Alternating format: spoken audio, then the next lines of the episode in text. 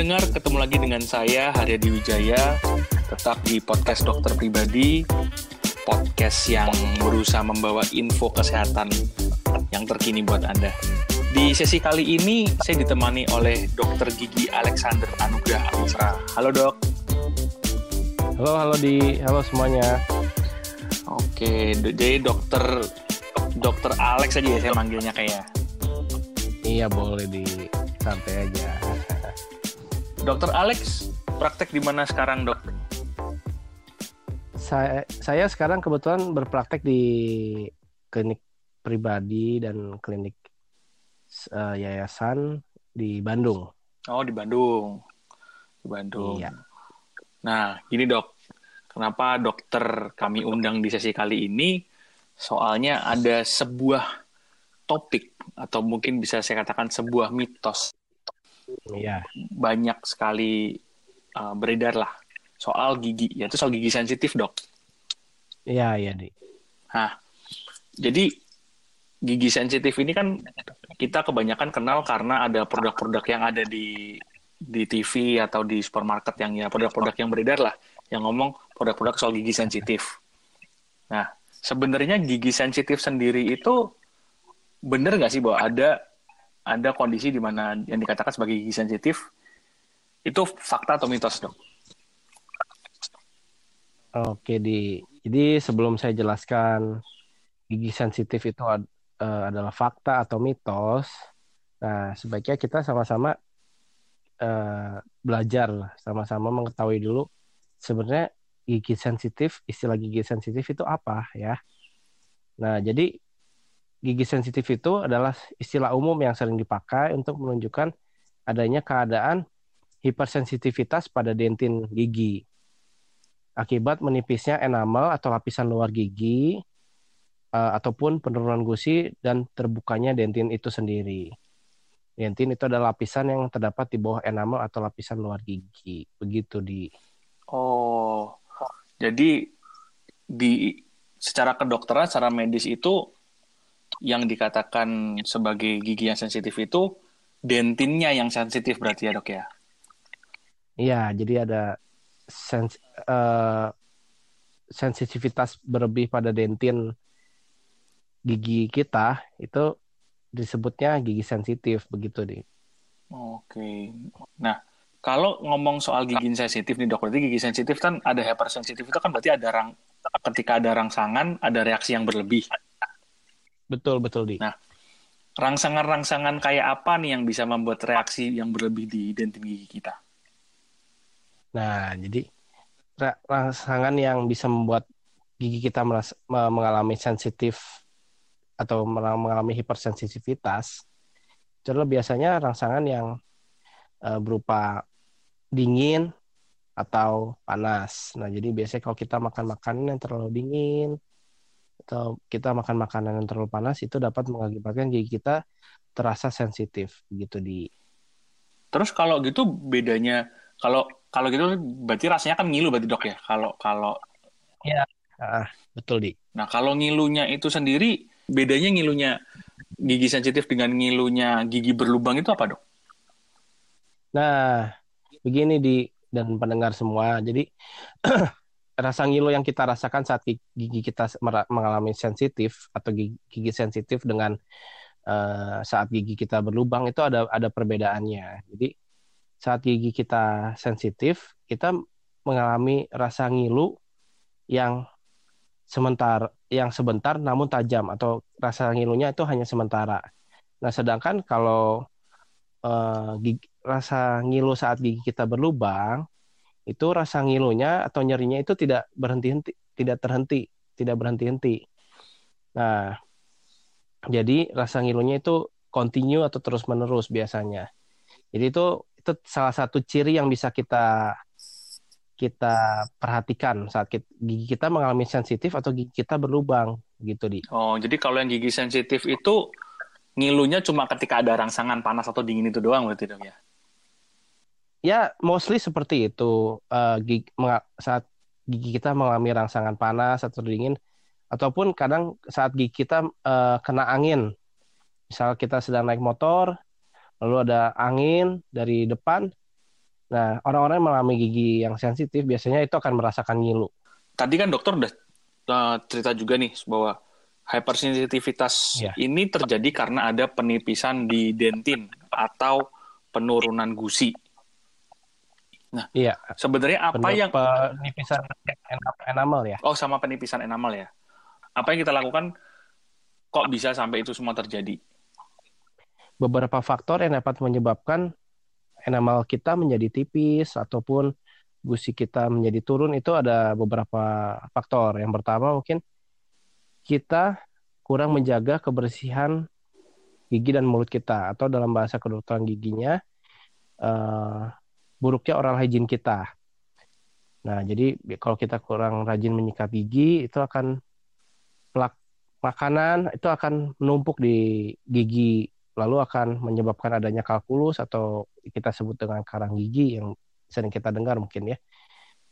Selalu karang gigi tersebut akan mengakibatkan gusi kita menjadi mengalami pembengkakan dan akhirnya pembengkakan tersebut akan ber, berdampak adanya peradangan pada gusi. Nah, saat itu ketika itu gusi kita akan mengalami penurunan secara berkala.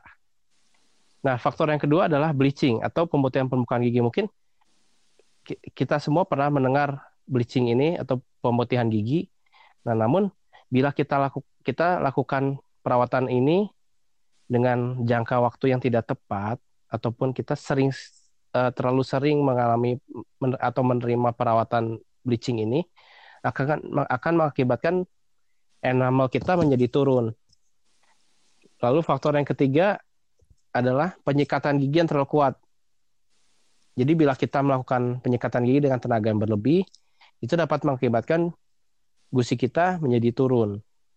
Nah, dan faktor yang keempat adalah teknik dan cara menyikat gigi yang salah. Jadi bila kita menggunakan teknik sikat gigi, menyikat gigi yang salah dengan menggunakan teknik horizontal yang seharusnya adalah teknik vertikal, arah yang vertikal, itu akan mengakibatkan gusi kita perlahan akan menjadi turun. Oh berarti sih kalau oh, menyikat gigi yang yang benar itu ke depan belak depan belakang atau atas bawah dok? Nah jadi secara singkatnya, simpelnya menyikat gigi itu kita tidak boleh melakukan gerakan horizontal, horizontal atau gerakan menyamping. Istilahnya kita menyamping dari dari kiri ke kanan atau kanan ke kiri.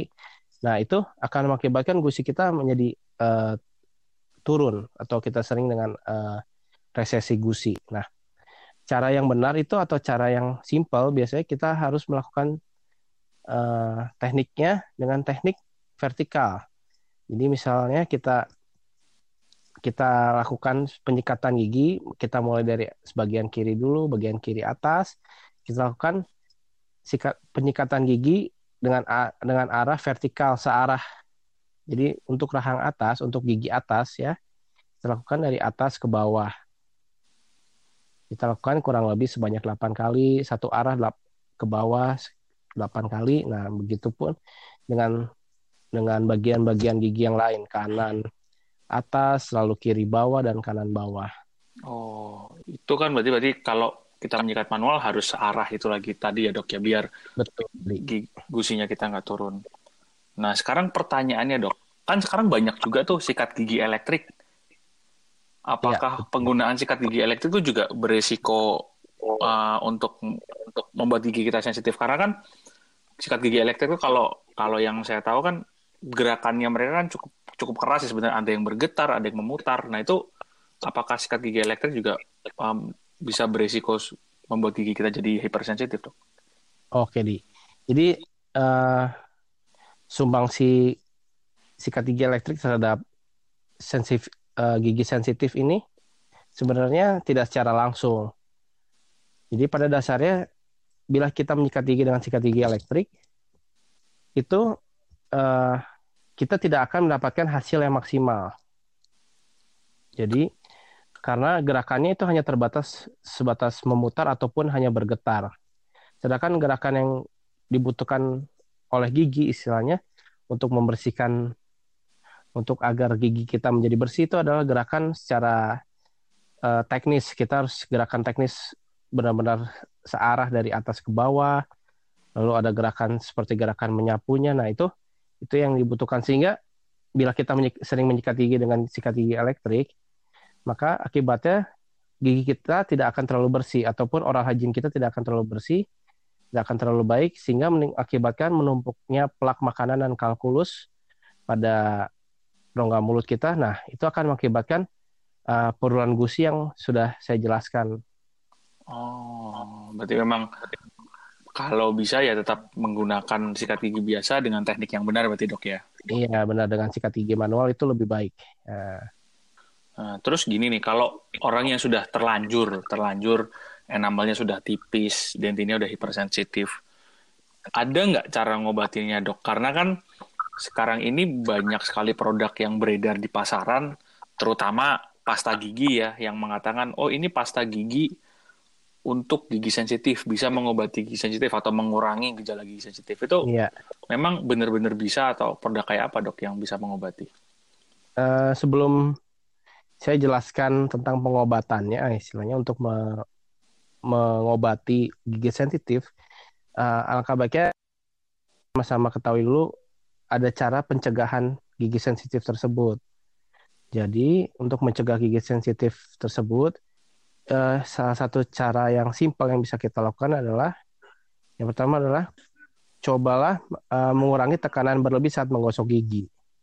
Lalu kita bisa juga pilih eh, sikat gigi dengan bulu yang super soft atau sangat halus.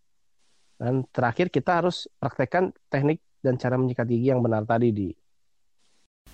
Kemudian begini dokter, di pasaran kan banyak nih produk pasta gigi yang mengatakan nih pasta gigi untuk gigi sensitif. Terutama mereka juga mengatakan bisa mencegah terjadinya gigi sensitif. Betul nggak sih sebetulnya itu mencegah gigi sensitif? Jadi sebenarnya penggunaan pasta gigi untuk gigi sensitif itu adalah langkah-langkah untuk pengobatan gigi sensitif atau kuratif. Nah, jadi uh, pasta gigi yang banyak dijual di pasaran ataupun supermarket yang uh, dibilangnya adalah pasta gigi untuk gigi sensitif itu sebenarnya ada perbedaan dengan pasta gigi yang tidak dikhususkan untuk gigi sensitif. Pasta gigi untuk gigi sensitif ini biasanya mengandung eh, zat-zat spesifik yang dapat memberikan perlindungan khusus pada gigi ataupun dentin yang terbuka tadi. Contohnya zat-zat yang mengandung strontium chloride ataupun potasium nitrat ataupun fluoride. Nah, jadi kita bisa bedakan, kita bisa lihat di kemasannya uh, dari kandungannya apakah zat-zat ini terdapat di dalam kandungan pasta gigi tersebut. Bila iya, ini adalah pasta gigi untuk gigi sensitif, begitu di. Oh, jadi memang memang pasta gigi pasta gigi ini memang punya zat-zat yang berfungsi untuk uh, bisa dikatakan menggantikan enamel nggak untuk melindungi dentin? Sebenarnya secara teknis bukan menggantikan enamel, namun uh, zat zat pada pasta gigi sensitif ini itu uh, dapat dapat uh, membuat kristal-kristal atau ikatan kristal yang dapat menutupi porus-porus uh, atau lubang-lubang kecil pada permukaan gigi kita tadi, pada permukaan enamel yang sudah tipis ataupun pada permukaan dentinnya begitu di. di. Oh, oke okay, oke okay, oke. Okay. Itu kan kalau kita apa namanya akhirnya berarti itu fungsinya istilahnya memang apa ya uh, membantu membantu menutupi lah istilahnya membantu. Tidak iya, tidak betul. untuk bukan mengganti lapisan ya. Iya betul di. Nah, saya juga pernah dengar ya dok, aslinya kalau orang yang sudah giginya super sensitif lah, yang istilahnya memang lapisan enamelnya antara sudah sudah tipis atau sudah rusak itu ada juga pengobatan yang di crown. Iya. Untuk kondisi gigi yang sudah mengalami hipersensitivitas yang sangat sangat berlebih ataupun gigi yang sudah istilahnya dalam bahasa awamnya itu adalah kropos. Nah, itu atau kondisinya kita sebut dengan hipoplasia enamel itu dapat dibuahkan dapat kita buatkan mahkota jaket gitu. Jadi perawatannya adalah dengan mahkota jaket. Nah, jadi sebenarnya untuk pengobatan gigi sensitif ini ada beberapa cara di. Nah, dari yang paling mudah itu yang pertama pengobatan itu pengobatannya itu hampir sama dengan teknik pencegahan tadi yaitu menghilangkan kebiasaan buruk cara menggigit, cara menyikat gigi yang salah ataupun dengan tekanan yang berlebih. Nah, yang kedua adalah menggosok gigi dengan waktu yang tepat. Menurut anjuran dokter gigi itu kita harus menyikat gigi minimal dua kali sehari, yaitu di pagi hari saat kita sarapan dan di malam hari sebelum kita uh, tidur. Dan tahap yang ketiga ataupun cara yang ketiga itu yaitu tadi kita dapat menggunakan pasta gigi uh, yang memang dikhususkan untuk gigi sensitif. Jadi cara yang keempat ini pada keadaan akar gigi yang terbuka ataupun mengalami penurunan gigi pada daerah leher gigi dan sudah timbul lubang pada leher gigi tersebut, sebaiknya kita datang ke dokter gigi lalu kita minta untuk dilakukan penambalan atau pemberian lapisan pada daerah tersebut. Sehingga uh, dentin yang terekspos tadi uh, ditutup jadi tidak terekspos secara langsung sehingga kita tidak mengalami se rasa sensitif itu tadi lagi. Lalu cara yang kelima yaitu tadi pemberian atau pembuatan mahkota gigi pada uh, lapisan pada email lapisan email gigi yang sudah tipis ataupun mengalami keadaan hipoplasia enamel. Cara yang terakhir itu kita mungkin bisa minta ke dokter gigi kita, kita pember, uh, kita minta diaplikasikan bonding agent untuk menutupi porus-porus atau lubang-lubang kecil pada uh, dentin kita, dentin yang mengalami uh, sensitif tersebut, hypersensitivit hypersensitivitas berlebih tadi. Oke, kalau gitu sekarang uh, berarti ada cara-cara untuk untuk gigi sensitif yang belum terlalu parah kan kita bisa bisa melakukan sendirilah ya dok hitungannya apa namanya dengan mengubah cara sikat gigi menjadi lebih baik, terus menggunakan pasta gigi, terus kalau yang sampai parah kita menggunakan apa harus ke dokter gigi untuk ada beberapa tindakan-tindakan seperti pemasangan crown dan pemberian lapisan tadi. Nah, ya, betul. sekarang pertanyaannya adalah kapan atau bagaimana nih kita bisa membedakan oh ini kita cukup pakai pasta gigi, yang ini saya harus ke dokter gigi. Bedanya itu di mana dok? Caranya kita membedakan? Oke, nah sebenarnya uh, simpel sih untuk kita membedakan kita harus udah langsung pergi ke dokter gigi atau kita bisa lakukan sendiri di, rumah terlebih dahulu. Jadi sebenarnya pada prinsipnya uh, kita harus selalu lakukan tindakan pencegahan yang berupa untuk berupa uh, mengurangi tekanan yang berlebih saat menyikat gigi, lalu memakai sikat gigi dengan bulu sikat yang lembut dan menyikat gigi dengan teknik yang benar. Nah, itu kita kita harus lakukan terus-menerus kita ulangi lalu menjadi kebiasaan sehingga itu menjadi suatu hasil yang baik buat gigi kita.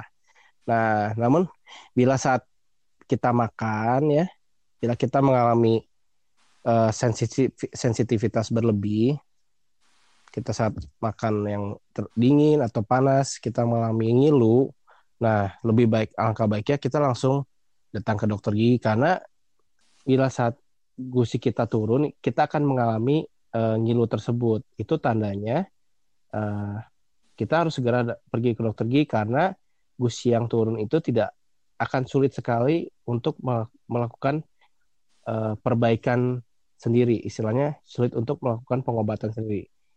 Jadi ada prinsip di dalam tubuh kita bila kita sakit, bila kita mengalami luka itu akan mengalami penyembuhan sendiri dengan sendirinya. Nah, untuk gusi yang sudah turun ini akan sangat, sangat sulit bila kita tidak melakukan perawatan di dokter gigi begitu di.